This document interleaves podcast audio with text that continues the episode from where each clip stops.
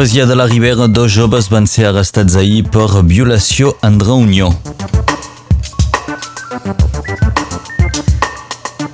I la descoberta important a l'autopista 9 de fins a 900 uh, quilos de cannabis en dos controls realitzades per als duaners. També us portarem cap al Conflent en aquest informatiu perquè s'han trobat partidures de dos balls tradicionals antics i oblidats de la comarca.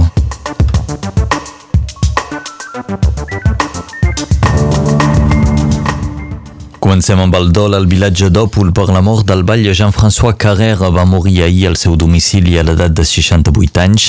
Va ser batlle d'Òpol i pagallós des del 1989 i ja havia pres la decisió de no tornar-se a presentar per un nou mandat. Una cerimònia és prevista per dijous a les dues i mitja a l'església d'Òpol. La llibreria catalana de Perpinyà va rebre ahir el Premi Martí Gasú i Roig, que reconeix l'exemplaritat en defensa de la llengua. Ha estat atorgat per votació popular després de tres setmanes de votacions en què han participat més de 5.000 votants.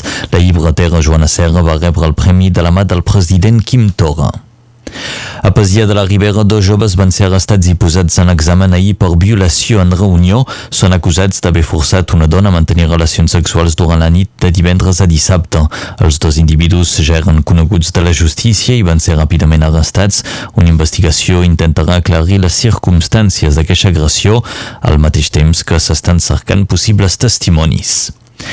El Club dels Dracs Catalans ha fet públic un comunicat per reaccionar a la polèmica que va sorgir durant el darrer partit quan uns membres de la seguretat van fer eh, retirar una bandera de l'arc de Sant Martí. La iniciativa era una protesta d'una seguidora de Castelfort contra el discurs homòfob del nou jugador dels Dracs, Israel Folau.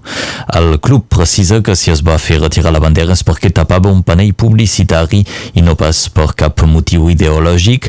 El club també precisa que diversos seguidors anglesos van fer una onejar les banderes LGBT al llarg del partit sense problema. Ve d'aquí doncs una precisió que intervé quan la Superliga està investigant el cas.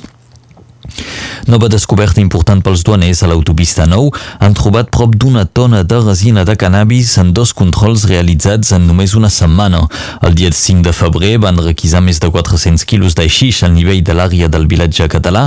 Una setmana més tard, a l'àrea de Pià, els duaners van controlar un vehicle carregat amb 436 quilos de resina de cannabis i 60 quilos de marihuana. El primer conductor va aconseguir fugir mentre que el segon, de nacionalitat francesa, va ser arrestat. Així doncs, són més de 900 quilos de cannabis que han estat requisats per un valor total de 5,6 milions d'euros. A l'Ajuntament de Vinçà, la fotografia oficial del president Emmanuel Macron va ser segrestada ahir per un grup de militants de l'acció no violent COP21. Aquesta operació dels militants en defensa del clima vol denunciar la inacció del president francès davant de la urgència climàtica i social. Recordem que l'estat francès s'han realitzat diverses accions semblants per part de militants ecologistes. El vilatge de Porta, a l'Alta Cerdanya, s'ha declarat oficialment antitaurí.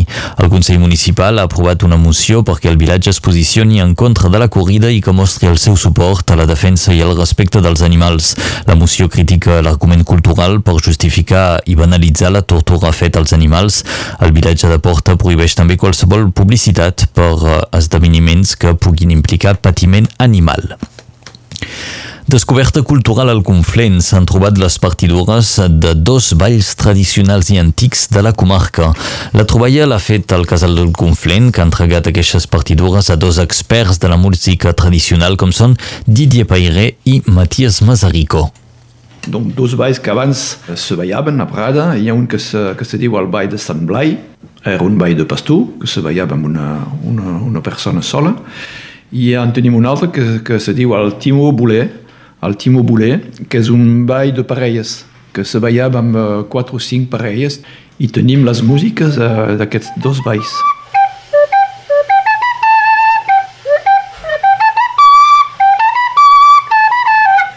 dos balls predencs. La Lídia Busquet ha fet una petita coreografia, una adaptació, bé, per tal que, mm. que la gent que, que portaran els capgrossos, si són mainats, millor que, que poguessin ballar aquest ball antic. S'ha de conservar eh, el màxim de coses que d'aquí de Catalunya, perquè hi ha poques bon, que quedin en activitat eh, encara menys, però hi ha, eh, hi ha bastant poc material, no el cal pas deixar perdre.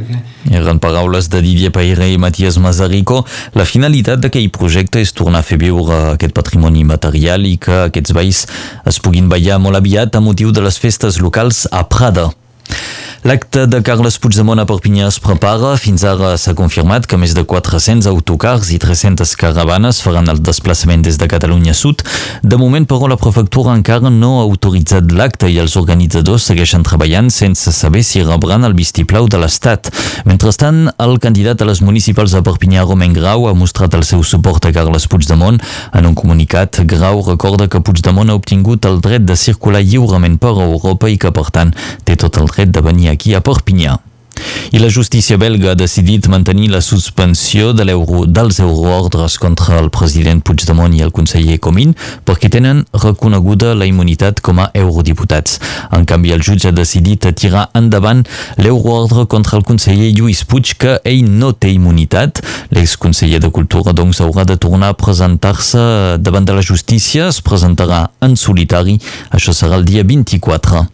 I Carme Forcadell i Dolors Bassa van sortir ahir per primer cop de la presó després de beneficiar d'un permís per cuidar un familiar en edat avançada i en el cas de l'expresidenta del Parlament de Catalunya també per fer voluntariat. La Junta de Tractaments dels dos centres penitenciaris va acordar la setmana passada que l'expresidenta del Parlament i l'exconsellera poguessin sortir tres dies entre setmana.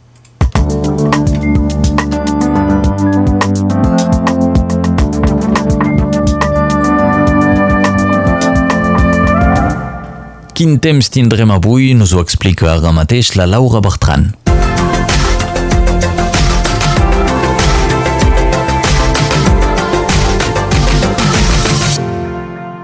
Sol, vent i baixada de temperatures. Aquest dimarts es preveu un ambient assolellat i un cel blau al llarg del dia i a tot el país. De cara a finals de tarda, però, arribaran alguns núvols poc importants, sobretot a muntanya i a l'Albera.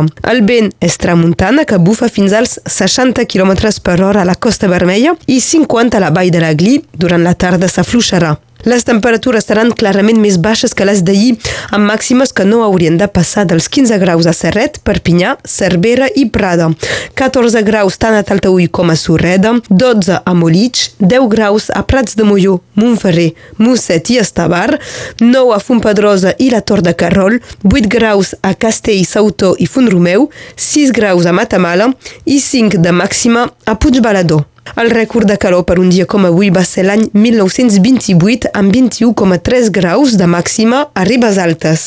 La periodista Núria Cadenes fa avui 50 anys. L'any 1988 va ser detinguda i acusada de pertinença a terra lliure abans de ser absolta per falta de proves, però va passar 4 anys a la presó. El sol avui es pondrà a les 6 i 23 de la tarda, guanyarem dos minuts de llum del dia. Actualment ens trobem en una fase decreixent de la lluna i demà tindrem un nus lunar. Es desaconsellarà, doncs, de treballar l'hort aquest dimecres.